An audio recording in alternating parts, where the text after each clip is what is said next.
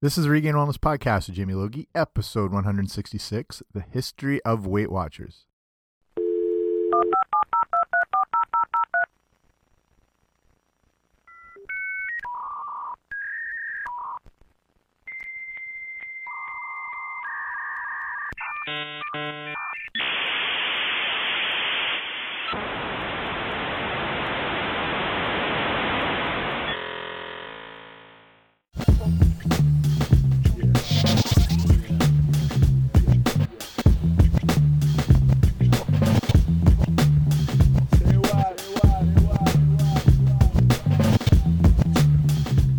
Hey guys, what's happening? Welcome back to the podcast. I'm Jamie Logie, I run regainedwellness.com, and this is the Regained Wellness Podcast.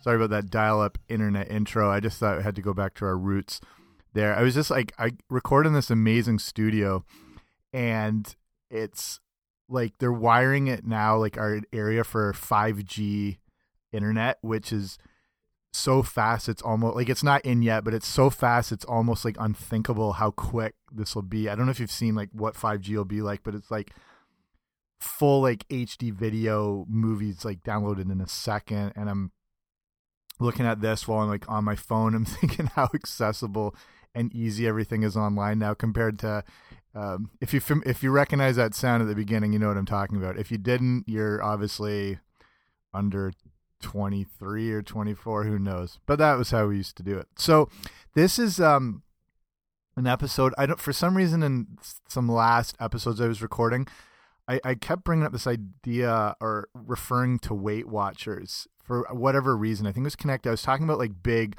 fitness movements as far as things like crossfit and i did an episode on f45 fitness and i was just talking about like big mainstream things and i think i just referenced weight watchers. And then I, I remembered like what a huge movement and business and community and like culturally relevant thing Weight Watchers has been. And then I like look more in the history and it's actually pretty interesting like how it's developed and grown and everything like that. So I thought like an episode devoted to it. Hopefully you'll find it interesting. I did um just going through a lot of the information and background and everything. So I used to do some little like seminar things at Weight Weight Watchers groups in my city. They're obviously all over, but the, like I really so I I've seen it sort of firsthand, and I like really did like the community and the sort of the culture they they've built. So I think it's just interesting to have a look at. So that's what we'll do here today. So I also thought it was relevant because in the last, I mean, depending when you listen to this, but recently they've they've sort of rebranded themselves and they're now known as WW International, and with uh, not that there wasn't a focus on wellness, but sort of going that way as opposed to making it strictly just Weight Watchers. But it's always going to be known as that, and I don't think that's a bad thing. I just it's I don't know, like at their core, just trying to you know reinvent it. I mean, rebranding and branding in general is so big, so now it's like a different logo. It's a two W, two white W's on top of each other in a blue circle. So I don't know, just making more of a, a fresh approach or whatever. This was in September of 2018. So, but at its core, it's still Weight Watchers. So it, it's American company, even though it's around the world now, and based around offering various products, services. They insist in weight loss. They assist in weight maintenance. Um, I have no connection to this at all. This is just me passing on information for the record. So, started in 1963 in Queens, in New York, by a homemaker named Jean Nidetch. And now it's grown to about, I think it's like in 30 countries around the world. And there's different local translations of it. And all their materials are, are translated to the local area and, you know, working around what's available to them and foods available and everything like that. So that but the core philosophy behind the company's programs and always has been is to use a, a science driven approach to help you know its participants lose weight by forming helpful habits, learning to eat smarter, to obviously get more exercise, to be more educated, and ultimately like the big thing is provide support among their members. And with all like, you know, great inventions, it, it's it was more about finding a solution. I mean, that's kind of the secret behind any um, creation invention is identify a problem and provide a solution, it, no matter what it is. So in the case of Jean Nidetch, and I saw different stuff. She's either from Brooklyn or Queens, which is a huge difference if you're familiar with the boroughs and everything, and you don't want to tie it down just to New York.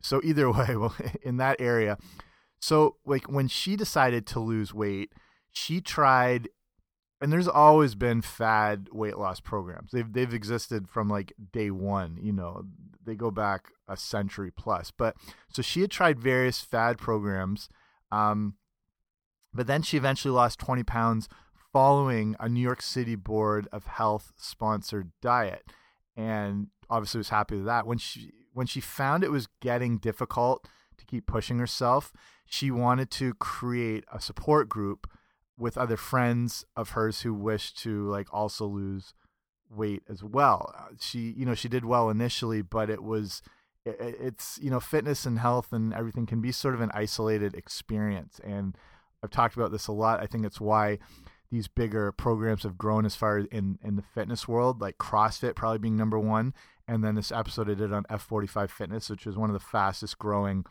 um, fitness movements as well, along with like other things like Orange Theory Fitness or Soul Cycle. Like people want more of this community aspect from you know even just from a social um, experience like that's their you know like you're not going out to bars. This is your way to socialize and interact but as well as that support group encouragement everything like that. So that that was just basically her idea. She wanted to like lose weight with friends um, but keep each other you know accountable and motivated and everything like that.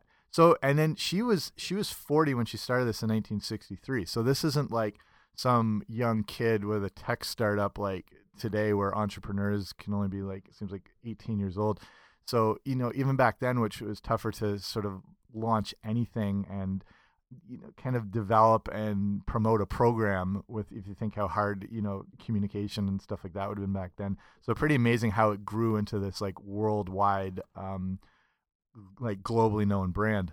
Okay, so how it works, and you know, it hasn't even strayed much from this over the years, but its core approach, like I said, is to assist members in losing weight through eating more healthily, getting more exercise, and then keeping them accountable and supported while they do it. So the primary diet plan is it has really no directly comparable requirements and and technically no food is off limits because you know they work around the point systems and stuff like that and it, it's still but it's still based around creating a calorie deficit um, it's it's generally compatible like compatible with other diet approaches and or food.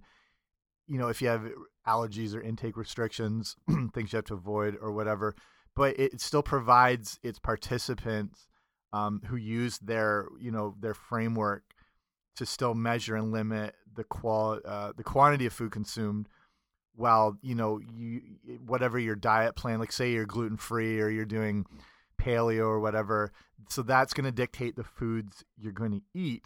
But when you use the weight watchers framework you're still able to measure and kind of um, keep track of the amount and quantity that you're taking in. So it were it that that's probably why it still survived to this day as a lot of diet fads have come and gone and and still like healthy eating approaches that are are very good like whether you follow like a mediterranean diet per se or if you're going like a full alkaline diet to you just don't like so you know what whatever it is whether it's like you just feel you need to follow it or you actually have to physically follow a certain diet and avoid different things it still all works within their framework so the way it's working now as i talk about the modern um, ability to communicate and connect online. That's the two ways it works. Whereas opposed, it was based on in-person meetings, and now it's expanded obviously into big online-only programs. But again, the both programs are still using the same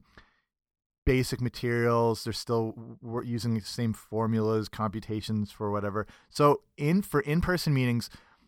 Weight Watchers encourages members to select a goal weight and they use uh, like that they you know they try to base it around uh, uh, getting a body mass index of a healthy range, and healthy is considered if you know the BMI around 18 to 24.9, just under 25. That that's a whole complicated thing. The BMI, um, you know, and a lot of fitness people aren't big fans of it because it really doesn't give you a true indicator of what's going on in your body, and it's just more of a calculation. It doesn't take into um, a, a, um, consideration like say amount of lean muscle mass. So people who are high level athletes with a lot of muscle mass but at a certain height can be considered obese on the body mass index but they're they're, they're world class athletes so the thing it it's more the body mass index is used as sort of like a quick um I don't know if you heard me snap there a quick kind of uh fast way to give you a starting point and a tracking point and seeing where you are and where you go from there. If you think like for doctors and physicians they're so busy and there's so many people coming through that it's it's just like a quick snapshot like boom boom plug this in and get people on their way. So whether it's out of laziness or it's the most effective thing with time constraints considering how long actual like when you look at breaking down lean muscle mass to body fat to true body fat measurements. It's a long process and can take a while compared to BMI, which is like boom, bang, out the door. So I mean that's got its issues with it. So I mean that's you know they're they're selecting goal weight based around this healthy BMI index. So but like although a member may also establish a goal weight outside that range, you know, because that will be successful to them and you know they you can even come in with a doctor's note that says you know, for this person, they can be healthy even though technically they're in a higher BMI range that might consider them overweight or obese or whatever. So there's actually in in the U.S. anyway, in, to join Weight Watchers, you must weigh at least five pounds. That's like 2.3 kilograms more than the the minimum weight considered healthy by the company for their height. So again, it goes into that ba- the body mass index thing, and you have to come in um, at the, the sort of requirements to join it. So once a member reaches their goal weight, then they go into a maintenance period. So for the following six weeks after that, the member, you know, the, they gradually adjust their food intake until the member no longer loses or gains weight, and you know they kind of stick with that. And if at the end of that six week, um, you know, the different weigh-ins, like I don't know if you've never, if you haven't seen these before, like with the groups and the meetings, the in-person ones, you do weigh-ins and they announce you know how that person's done that week and then everyone's there to applaud or support or encourage or whatever. So um, if at the end of that those six different weigh-ins during the maintenance period the member weighs in within two pounds of their goal weight they can become what's called a lifetime member. So it, it's you know it's it's not like a quick one and done. Weight watchers is is meant for sort of the long haul here, and that's been part of their success behind it. So when we're talking about the online approach, they the Weight Watchers e-tools, it's uh it's a web-based service for members and it includes access to support materials. They got those tracking tools and in some areas Weight Watchers meetings are operated by one of the locally franchised organizations uh, rather than what's considered Weight Watchers International, which is like the over and governing body or whatever like that. But you can have these little smaller franchises, and then they're sort of eh, their job or they have the ability to find the people in their area who are doing the online version, and then they can still get together. And that's that's one of the great things about our modern era and the internet in general is that you can always find like-minded people. And if you think like if you grew up without this, if you like some people live in a world where they've always just known the internet and but if you grew up without it and you had like specific interests like you liked um obscure comic books or European like English old comedies and but like you couldn't find people who shared that same thing but like with the internet you can find these like-minded groups and connect with these people and that's one of the advantages with modern health and fitness is there's so many amazing communities and groups online where people can get together and connect with these people you've either never met, whether it's like, I'm not going to say any specific names because there's so many different online ones I think are amazing. I don't want to like put ones above the other. And they, whether it's like their online, um, you know, within their website, like their own chat room things or Facebook groups or whatever, these people are finding people on the same journey as them who can support and encourage and they can turn to and keep them accountable. And that that's an amazing thing to me. And then as much as that's grown, people again though are, you know, like loving the miracle of being able to do everything online and um almost being like anonymous through it, but eventually people still miss that human interaction. So these online places have turned into these meetups. And you see it a lot with people if you follow like certain YouTubers or online health personas, and everything was like about the online community. And now they're getting more into these actual real meetups and retreats and conferences, and people want that social dynamic and connection. So it's kind of coming back around again. So that's what has been good with uh, Weight Watchers is they've like embraced that, but still kind of stuck to their roots and and, and everything. So in a lot of locations, Weight Watchers holds meetings um, for their members, which is even just based around like positive positive reinforcement for people. Not even like the nuts and bolts of the weight loss and whatever. They'll have these meetings just to like um, kind of open forums and to help people work through things. So it, it's depending on what your needs are. It, has been able to help um, meet a lot of that, and it, and it goes back now to obviously, uh, if you don't know, like Oprah, Oprah Winfrey owns a huge stake in that, and then that's always been her thing as well too, is working through. You know, it's not just about um, the weight issue. There, there, there's something maybe behind it, and it's sort of like peeling back the layers, and, and that's been her thing as well, and like her platform, and she's been helping. She's been good for helping people to realize that to like look a little more inward and a little deeper and and Weight Watchers has been able to take that approach as well too. So the original plan has uh, changed and adjusted over the years. So the the founder Jean Nidetch, she wrote a book in the early 70s called The Memoir of a Successful Loser: The Story of Weight Watchers, and that documented the original Weight Watchers plan and that original plan was um, supplanted shortly after the book with materials from um, another book called Weight Watchers Program Handbook for Ladies.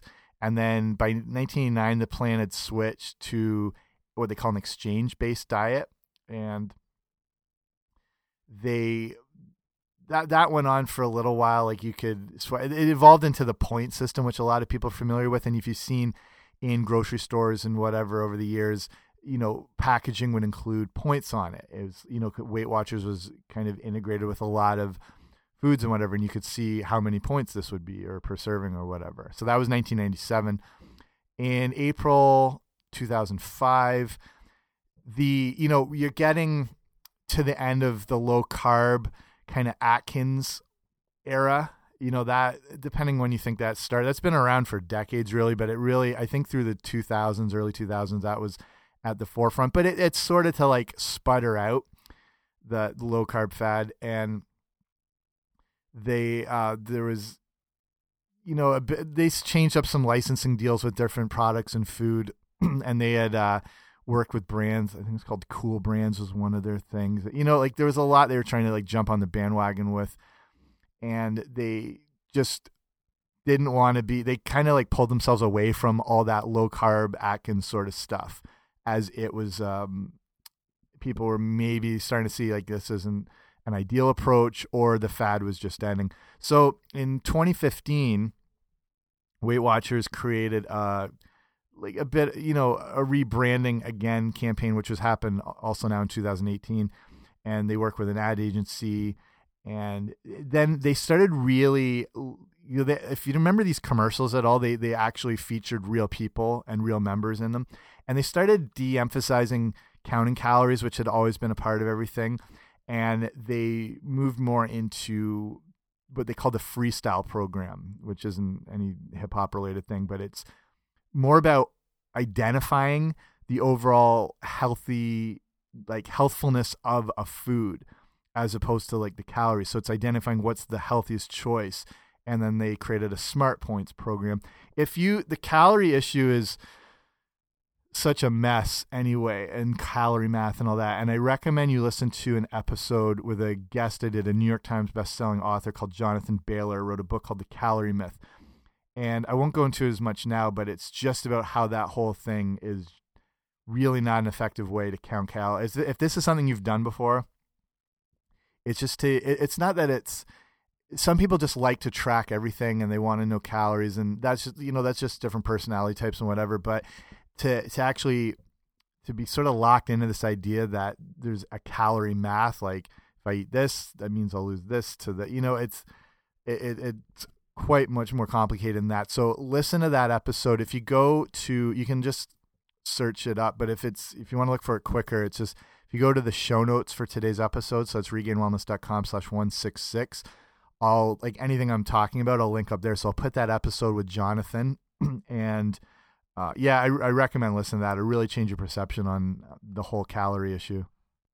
So like I'll touch more on how that this point system used to work with their calorie idea and how it is now. So as of now, it's this smart points called and they call it like smart points beyond the scale. Sounds like a action movie. It so it's like it's trying to help people make smarter food choices build better relationships with food, and still kind of using a points based plan. You know, every food and drink is assigned a points value and all that sort of thing, and that's kind of been at the core of what they do. So smart smart points is calculated using calories, uh, saturated fat, sugar, and protein. And like I said, no food is off limits, but the plan now assigns higher points values to foods higher in sugar or saturated fat or trans fats or, or whatever and then they give a lower point value to like lean proteins. And things like vegetables and a lot of fruits are zero points so you can eat as much as of those as you want. And that's similar to how the old points plan worked. And even some like just like random things like ketchup used to be uh like zero points but now there's like you know a lot of ketchups are actually just huge amounts of sugar so those are no longer free points as as they call them. So like before this, before the smart points plan, when they used what was called points plus, and that was um, more introduced in 2010, and what they were saying was they incorporated a decade of of science of of research compared to the what used to be just a normal points plan. So the points plus plan, plan. The focus was on assisting members in creating a calorie deficit to lose weight using a new calculation approach. And they their old one was like a very very simple plugged in just taking the straight up numbers. Now they're using like well this was in 2010 they're using total fat total carbohydrates dietary fiber and protein. And this change from the old point system was, you know, the identif identification of power foods, they called them, and assigning this is when they put fruits and vegetables to, and most of them, to have a points value of zero. And the points plus was calculated using, again, total fat, carbohydrate, dietary fiber, and protein.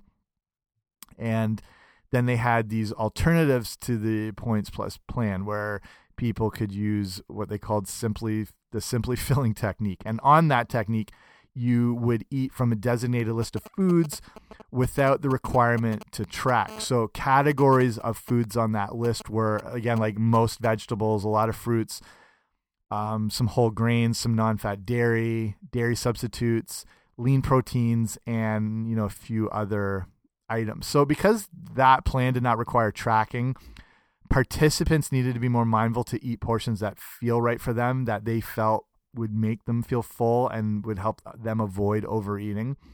Um, not, so much that they would feel too full and not that they would feel too hungry. And then and this, so you can see how this would be even more complicated for a lot of people. Like, they're like, well, how do I know if this is going to fill me up as much? Or, I normally don't eat these foods together. If I'm eating this at this time, well, I you know it's it's very arbitrary and whatever. And I think their approach is better now that it's identifying the highest quality foods. And and this goes back to the the calorie myth with Jonathan Bailor, and he talks about your body as long as you're feeding it real whole foods and you're you know you're you're making an emphasis on getting like double digit servings of non-starchy vegetables each day eating like the cleanest proteins you can find um, focusing on healthy fats um, you know like olive oils avocados nuts and seeds getting like good citrus fruits in and berries.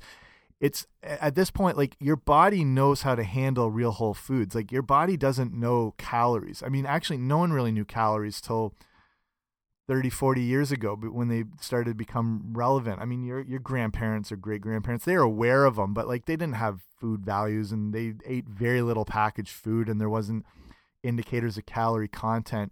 Your body's able to manage um you know as long as you're providing it with real whole foods it knows how to balance things off and it knows how to maintain it. I mean your body's the, your body's survived like this for millennia because of it. And this, if this mechanism wasn't in place, we wouldn't be here right now. So as long as it's based around real whole food and that you're focusing on nourishing yourself and providing nutrients and not starving yourself and whatever, your body can do the rest. It's when you start throwing in all the other crap and fake foods and artificial foods and refined grains and sugars and high fructose corn syrup and alcohol and uh, like artificial sweeteners that's when everything gets out of whack because now your body has no idea what's being thrown at it and it can't manage it perfectly. You know your body's if you remember you know back to high school and homeostasis and balance your body strives to seek balance and it can do that provided it's being fed the right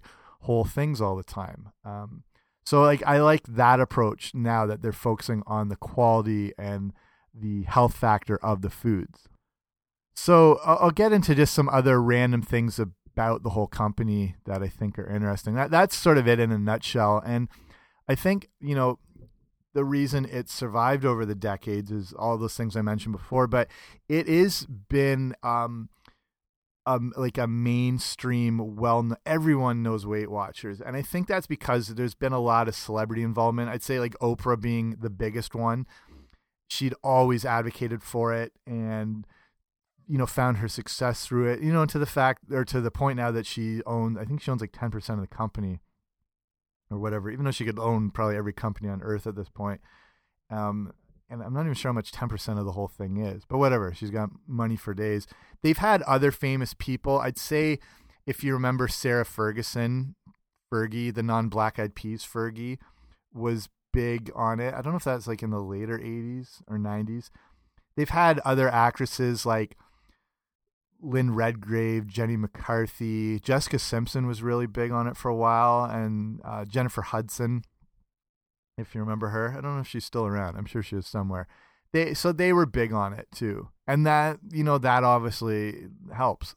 Actually, I forgot about this one. Charles Barkley, NBA legend, was involved with that, and even did some promotions and whatever. I think he lost something like forty pounds, and that was his whole thing. Like it wasn't just for women, and they sort of made this direction like to target men as well too. And and that was you know how he was involved with it. He's like men don't talk about dieting and losing weight, but they should.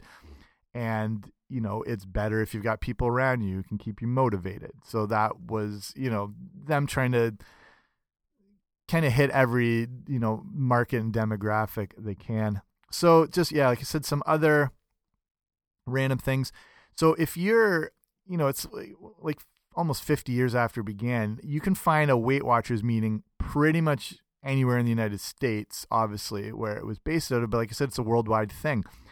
It's here all over Canada, and like I've been able to see them and you know do quick little talks with them and stuff like that.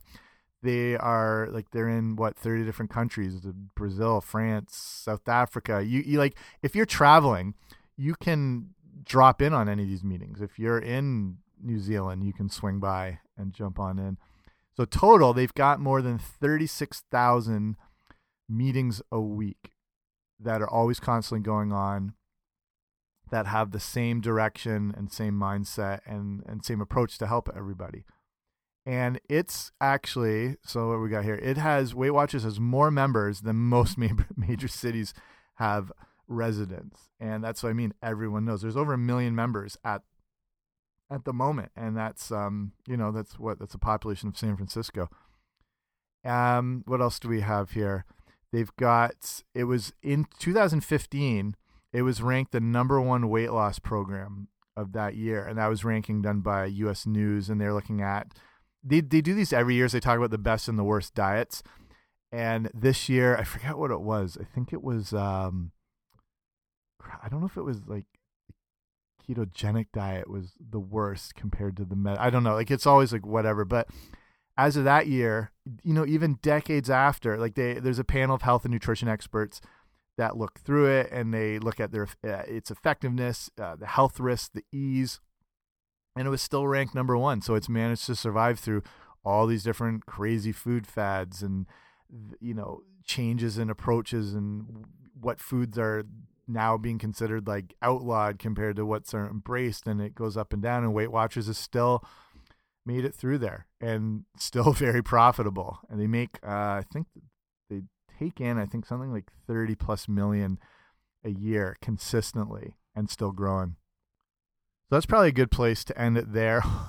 Hopefully you've i find this interesting. Hopefully just you know if you're very well aware of weight watchers or you've been a part of it you know this might not be new to you, but like if you've just had an interest sort of from a, a distance just to see what's gone behind it. So I'd like to thank Oprah and um, everyone else involved. So that's it. Thanks for checking the show out. If you haven't already, make sure you subscribe to it. We're probably on Apple Podcasts, but basically wherever you find podcasts, this show should be there. So make sure you sign up to get it, and then check out the show notes for uh, checking, you know, the different episodes I mentioned. So regainedwellness.com slash 166. While you're there, sign up for the email newsletter because you get a free ebook when you sign up for that. And it's a quick breakdown on, you know, foods you want to be avoiding, foods you want to be including. It's got some recipes, whatever. So that, if you're at the website, is regainedwellness.com slash guide. And then I, and it's, you know, emails I send out every few weeks and information I basically just share over email. So check that all out. And that's it for me. I'll see you later.